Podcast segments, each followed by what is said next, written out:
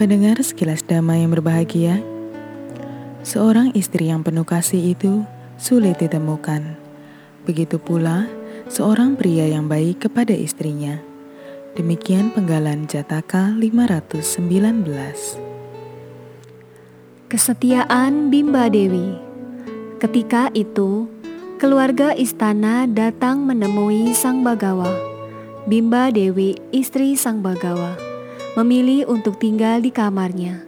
Ia berkata, "Jika ia memang menganggapku baik, ia pasti akan datang menemuiku. Namun, ia melihat keluar jendela bersama putra mereka, Rahula.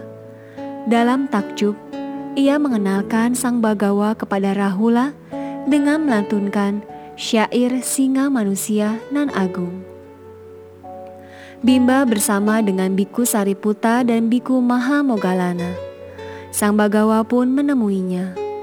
Begitu melihat Sang Bagawa, Bimba langsung bersujud, memegang kedua kaki Bagawa dan meletakkan kepalanya di atas kaki Bagawa. Ayah menceritakan kesetiaan Bimba kepada Bagawa. Sang Bagawa menjawab bahwa dalam banyak kehidupan lampau, Bimba pun sangat setia kepada Bagawa. Bimba pernah terlahir sebagai kinari, makhluk setengah burung yang hidup bersama Kinara, suaminya. Suatu hari, seorang raja jatuh cinta kepadanya.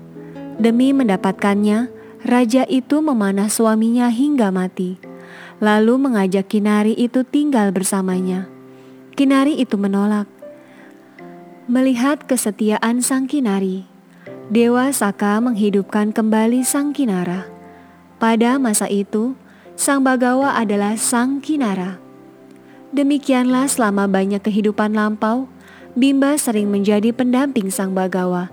Dimulai sajak ia memberikan delapan tangkai bunga kepada Bodhisatta Sumeda yang dinobatkan menjadi Buddha oleh Buddha di Pangkara.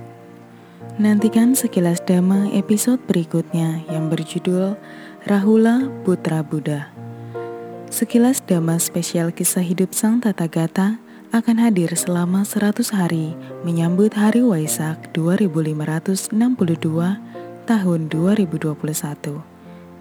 Sekilas Dhamma dapat didengarkan melalui Spotify dan channel YouTube Cetia Dhamma Dayada dengan kata kunci Sekilas Dhamma.